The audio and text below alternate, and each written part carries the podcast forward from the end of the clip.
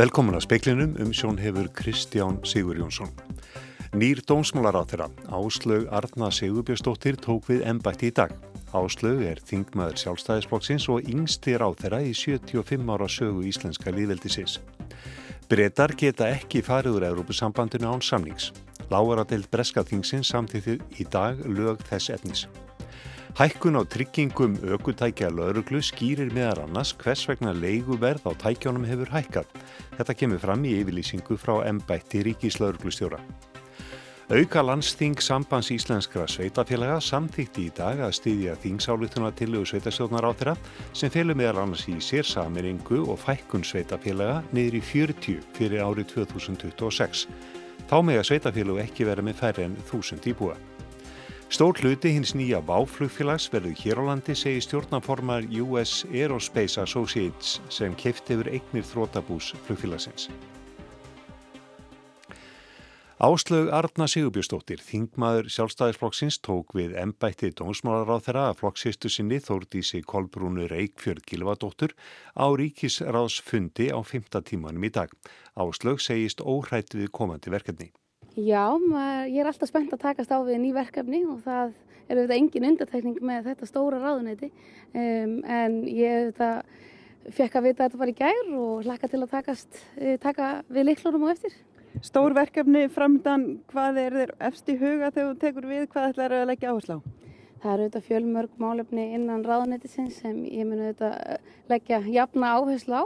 Það eru auðvitað mörg mál sem býða, eh, það eru auðvitað útlendingamálinn, það er löggjæslemálinn og fleira og ég er spennt að takast á við þau. Áslög segist ætla að líta til útlendingamála með mannúðar sjónamið og skilvirka þjónustu að leiðalúsi. Eh, ég er auðvitað gangin í ákveðna ríkistjótt með ákveðin sáttmála. Það var verið að skipa núna nýja þingmannanemt sem á að fara svona og ræða eins útlendingamálinni víðara samhengi með mannúða sjónamið og skilvirkni, skilvirka þjónustöða leðlösi og ég lekka til að halda áfram með það. Nú hefur verið með forminsku í stóri nefnd og tekist á stórt mál undarförnu eins og orkupakkamáli. Hvað hefur það kentir, svo umræða og þau átök sem voru þar? Þau hafa kent mér margt en maður læri líka margt í pólitíku hverju mánuði likur við og það eru þetta bara þannig að það skiptir máli að setja sér inn í staðrændir máls, setja sér vel inn í mál til að takast á við þau og til að kannski fara ekki villu vega þegar mikið umræðinni velur í sér ranga starrendir. Sæði Áslög Arna Sigurbjörnsdóttir. Sigriður Dögg Auðunsdóttir rætti við hana fyrir utan bestastaði síðdeis. Lávarðadeild Breska Þingsins samþykti í dag lög sem komaði veg fyrir að breyta geti farið úr Európusambandinu án samnings. Samkvæmt lögunum verður Boris Johnson, forsættisar á þeirra, að sækjum þryggjamánaða frest á útgöngu úr ESB ef ekki tekst að semja við sambandið fyrir 19. oktober. Samþygt lávarðadeildarinnar er enn einn ósigurinn í stuttri stjórnartíð Johnson. Hann hefur kallað eftir stuðningi stjórnarandstöðunar við kostningar um miðjan næsta mánuð áður en fresturinn til að ná samningi við ESB rennur út.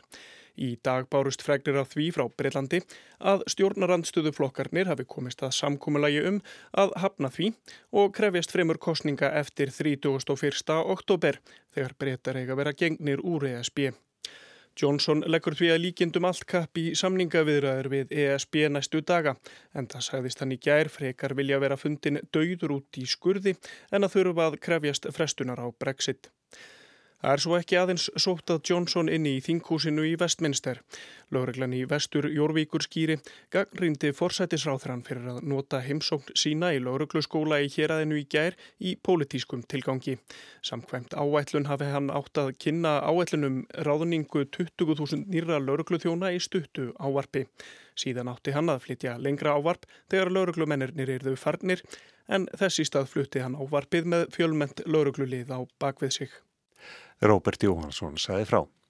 Verð trygginga á aukutækjum lauruglu hækkaði um 50% í síðasta útbóði ríkiskaupa. Þetta kemur fram í yfirlýsingu frá ennbætti ríkislauruglustjóra vegna fréttaflutnings af aukutækjamálum lauruglu ennbætta og kvörtunum lauruglustjóra vegna hárar verlagningar hjá aukutækja leigu bílamöðstöða ríkislauruglustjóra. Í yfirlýsingu ríkislauruglustjóra segir meðal annars að í fjárlögum sé gert ráð fyrir að rekstur lauruglubifriða skili 200 miljóna króna afgangi. Þá sé kílometragjaldi á aukutækjum ætlað að standa undir öllum kostnaði vegna rekstustækjana. Kostnaður vegna tjóns og hækkandi trygginga hafi hins vegar aukis mikið.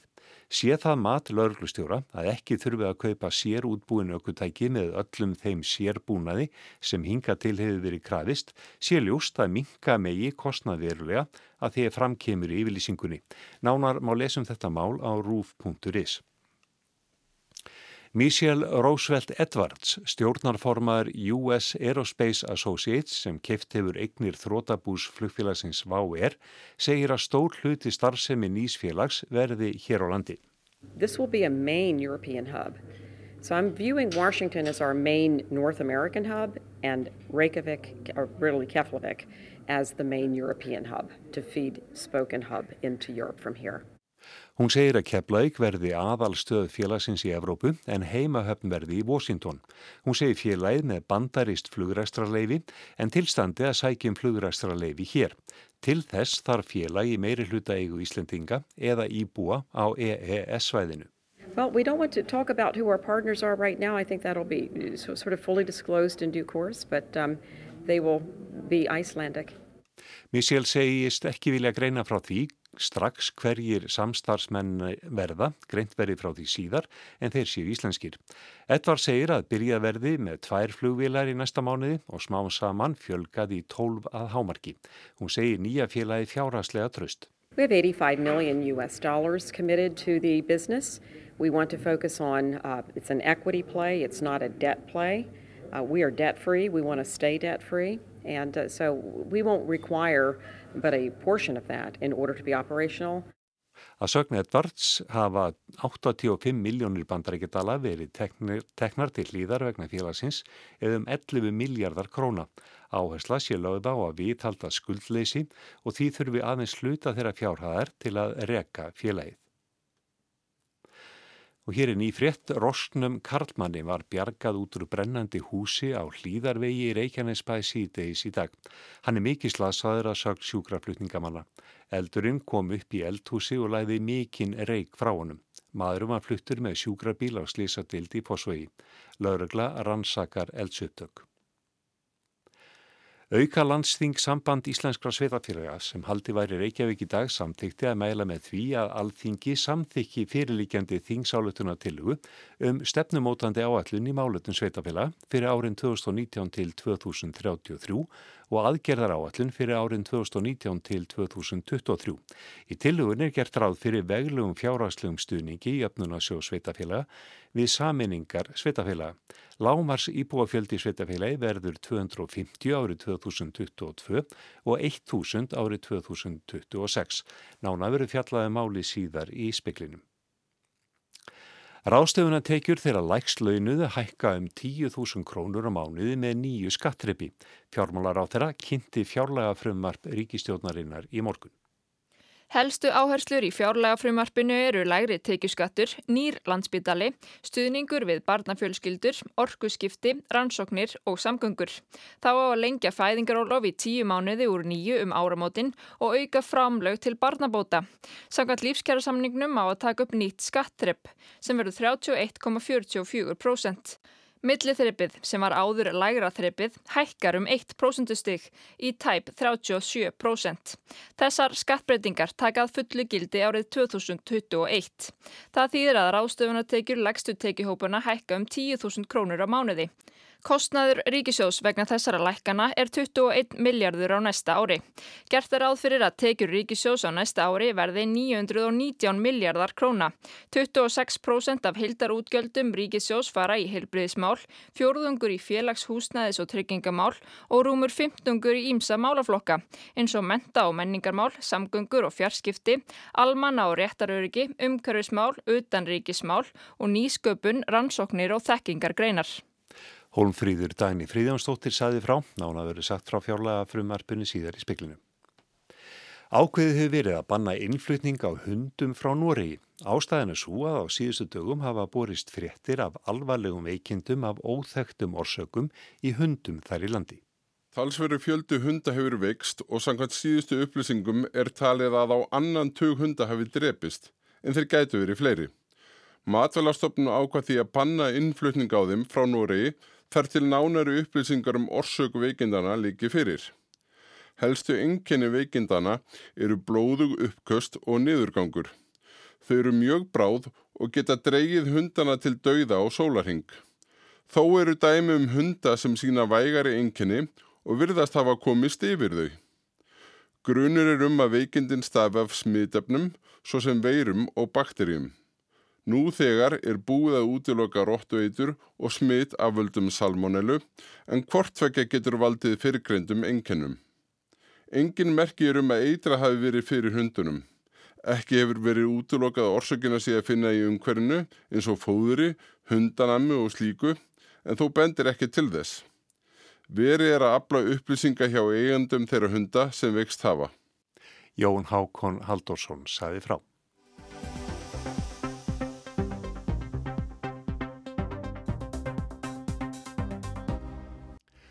Og eins og framkom hér að framann þá kynnti Bjarni Benedisson fjármálar á þeirra nýtt fjárlega frumvarp í morgun. Sigriði Dögg Auðunstóttir rætti við Bjarnar og Otníu Harðardóttur fyrfirandi fjármálar á þeirra og Þingmann Safilkingarinnar í dag.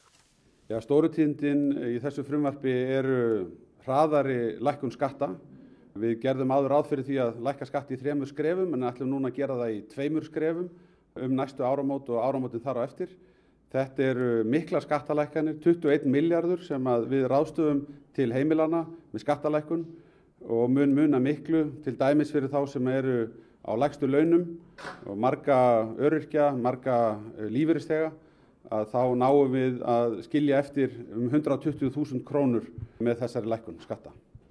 Nú talaður um að spáin ykkar, hagspáin fyrir næsta ár er rétt aðeins undir nulli en, en ef eitthvað breytist þá er líklegt að það fari eitthvað niður á við. Hvaða áhrif myndi það hafa? Já, það er alveg rétt að flestir gera ráð fyrir því að það verði lítilsáttar hagvöxtur á næsta ári og það er rétt að nálgast að þannig að það getur auðvitað bröðu til begja vona. Það myndi hafa áhrif bæð og teki og gjaldahliðinni ef að það gerðist og við höfum eitthvað svigrum í okkar stefnu til þess að takast á við það og það gæti til dæmis mögulega byrst í eitthvað lakari afkomi. Þú talar um að þóra framkvæmdir á vegum ríkisins framöndan til að mæta slaka í hagkerfinu. Hver eru staðstu póstarnir í þessu? Já, við höldum áfram uppbyggingu landsbítalans. Við ætlum að setja auki fjármagn í vegamál og við ætlum líka að fara í aðra mikilvæga innviði eins og á sviði umhverfismála og við getum nefnt hér mentamálinn sem við erum að fjárfesta í. Þetta eru allt mikilvægi þættir. Við erum að stefna því að fá hér nýtt hafrannsóknarskip. Þetta er allt saman mjög mikilvæg þættir. Ég geti líka nefnt öryggismál í tengslu við þyrlukaup og annað þess að þar. Sko það er ekki mörg stór tíðindi í frumvarpinu sjálfuð. Það byggir á fjármála áalluninni sem var samtitt í vor. En það eru þó tíðindi þegar þú horfir á útfæslu ríkistjórnarinnar á skattabreitingunum sem að verkefliðsfélagum knúðu fram með kjærasamningum í vor. Þær virðast að einhver leiti skinsamlegri en lagðar voru fram í vor og það eru líka tíðindi að það eigi ekki að hrúpla við þeim sem að bestanda í samfélaginu. Það eru ekki gerða kröfu til þeirra sem að fengi að njóta uppsveiflunar að taka á sig sangjandan skerf í niðursveiflinni. Á óvissu tímum í íslensku hagkerfi virðist ríkistjórnin styðja sig við einhvers konar úrelta brauðmálakenningu og óskykju um að næsta hagspá verður nú betri en öll merki gefa til kynna. Varst það vonast eftir því að breytingarnar yrðu meiri á milli áallunarinnar og frumvarpsins? Já, ég var að vona það. Við gaggrindum áallunina harlega og lögðum fram breytingatillögur bæði til velferðamála og lofslagsmála, húsnæðismála og svo framvegis. Við vildum gera á henni bætur sem myndu gagnast öryrkjum, öldruðum, barnafjölskyldum og þeirra sem að þurfa að nota velferðarþjónustuna til skólamála, nýsköpunar og rannsókna. Á þetta var ekki hlustað og eftir stendur þá gaggrinnin sem við lögðum fram í vor. Hún er í fullu gildi núna. Metur sem svo að, að tekjuhliðinni í þessu frumöpu sé raunhæf með við svona þær fórsendur sem eru gefnara að niður sveiblan verði ekki meiri heldur hann að gert ráð fyrir? Nei, ég held að það að gera ekki ráð fyrir neinum tekjuöflunar leiðum mér finnst það alveg fráleitt við þessar aðstæður. Við erum í niðursefli, við verðum að taka á henni, við getum ekki og megum ekki láta þá sem þurfa á þjónustu ríkisins að halda taka á sig byrðarnar og hróplum ekki við þeim sem bestanda. Þetta er mjög óskinsamlegt, alveg sama hvernig þú lítur á það. Saði Otni Harðardóttur, dóttir í samtali við Sigriði Dögg Harðardóttur. Hún talaði líka við Bjarnar Benedisson.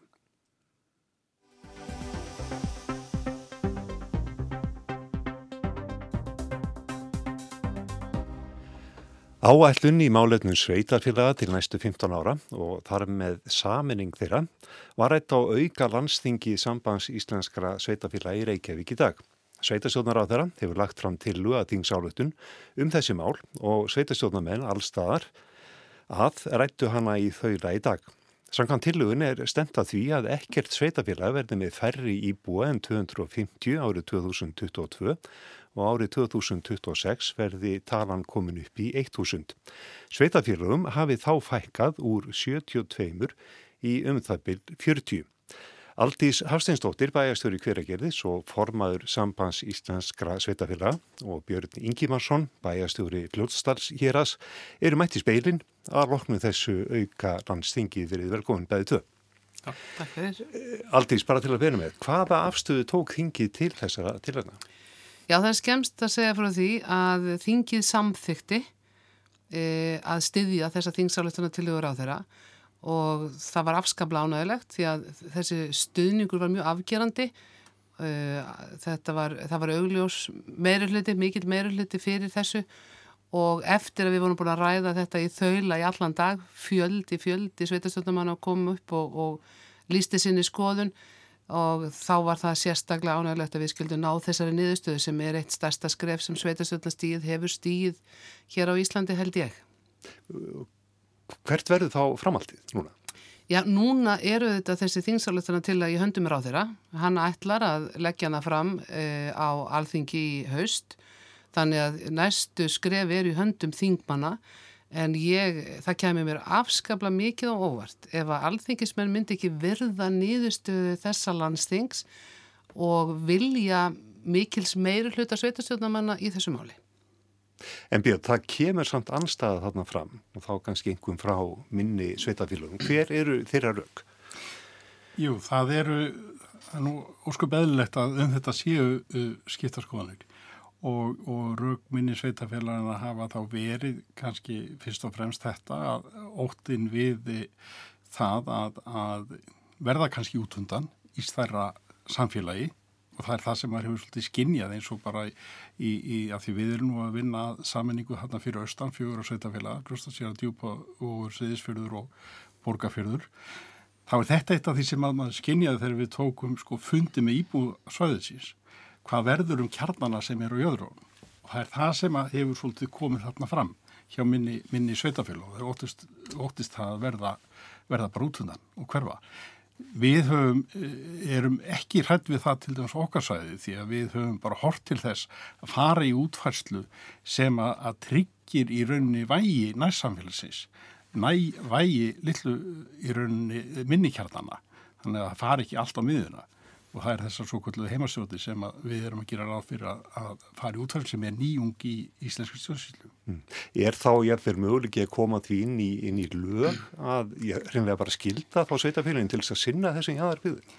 Ég sko í dag er það sem við erum að horfa til núna er að nýta undan þá ákveði í sveitstofnulögum til þess að gera þetta og það í rauninni þá bindur í rauninni sko sveitasjórn til í tvö kjörtínabil en það eins og, eins og sko umræðan hefur verið, við höfum ræðið þetta við, við starfsfólk sveistjónaráðunleitsins og fleiri ef þessi tilraun skilar árangunni þá er allt eins líklegt að menn horfi til lagabreitingar í framhaldinu mm. og það er bara, verður bara mjög spennand að sjá hvernig, hvernig þetta fer Ég heyrði að e, fulltrúar minni sveitafélaga þarna nokkri, þeim, e, þeim var að týrætt um líðræðið og það væri verið að taka líðræðaslega rétt íbúa þessara sveitafélaga á því að ákveða sjálfur hvort þau vilti saminast.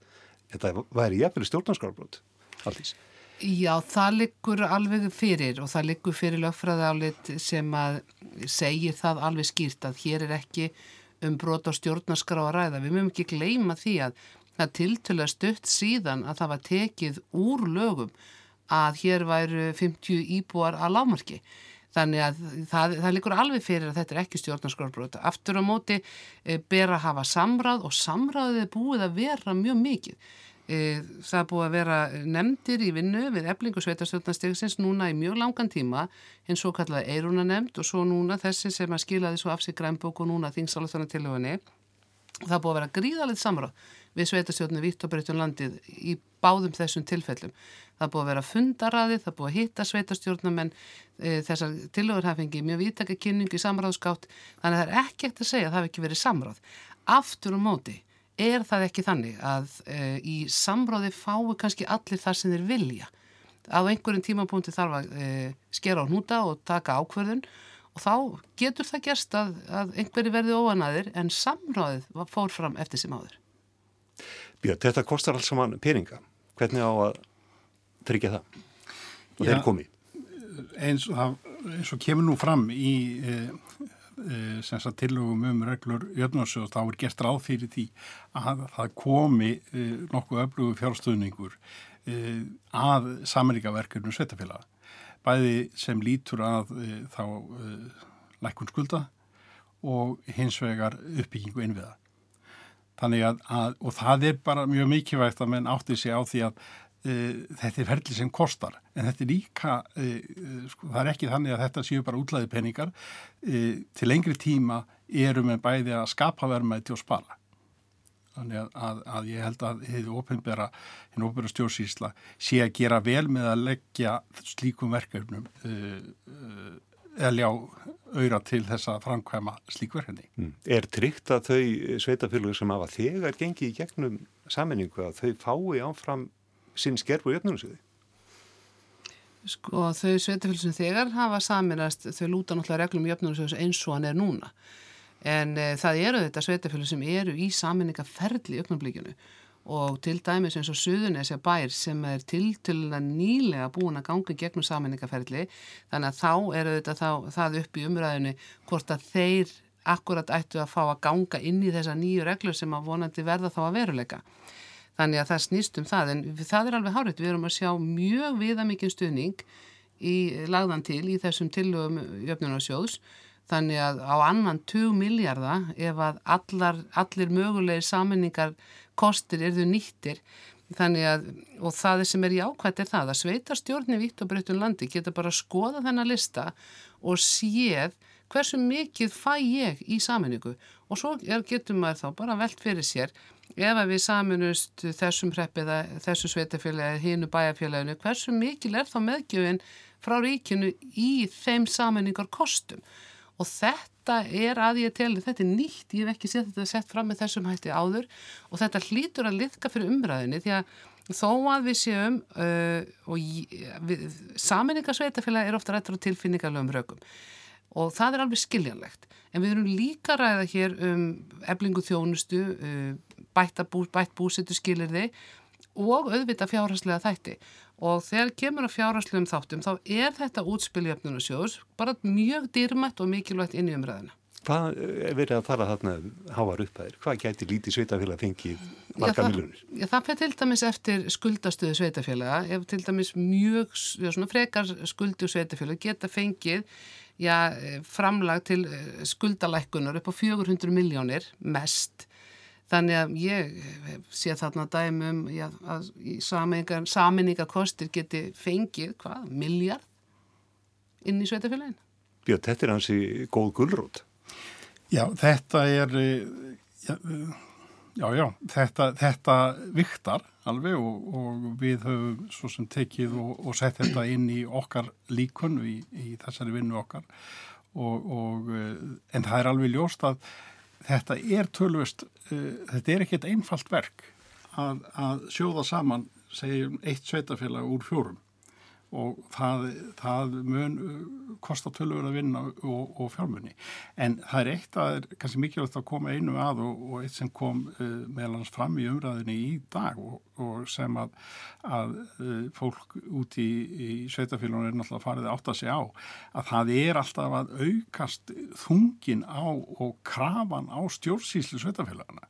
Það er að færast uh, verða til verkefni sem voru bara ekki til fyrir til til að fáum árum ef við segjum bara uh, uh, þessi með lögum, uh, nýjum lögum um persónuvernd, jafnlögnavottun sem dæmi. Þetta er hellingsvinna, þetta er ekki bara eins og menn komi og skoði einhverja, einhverja tölur og fái svo bara stimpil. Við erum fljóstaseraðir en íbúin að fá þessa jafnlögnavottun. Þetta ætlaði ekki verið vinna í eitt og hálft ár með sérfræðingum að, að klára það verk. Mm. Þannig að þetta er ekkit, einföld, þau eru ekkit einföld þessi verkefni sem er að færa til sveitafélagana eh, eins og bara málflokku fallara sem kom fyrir nokkrum árum.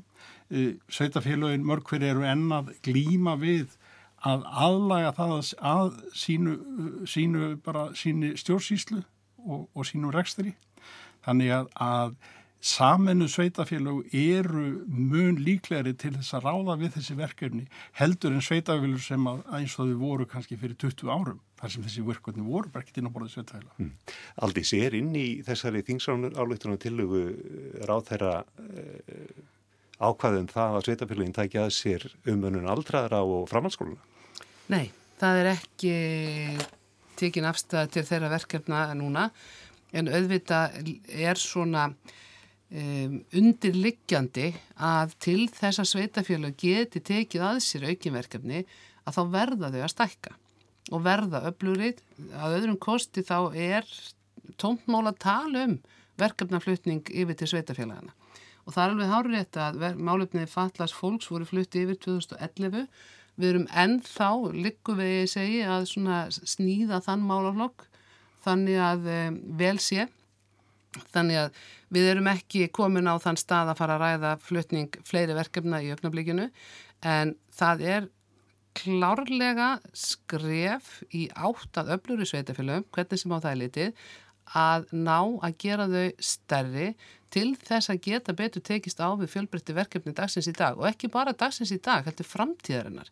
Að því að það komum fram hjá mörgum á fundinum í dag að við verðum að stíga einhver skref í áttabreitingum.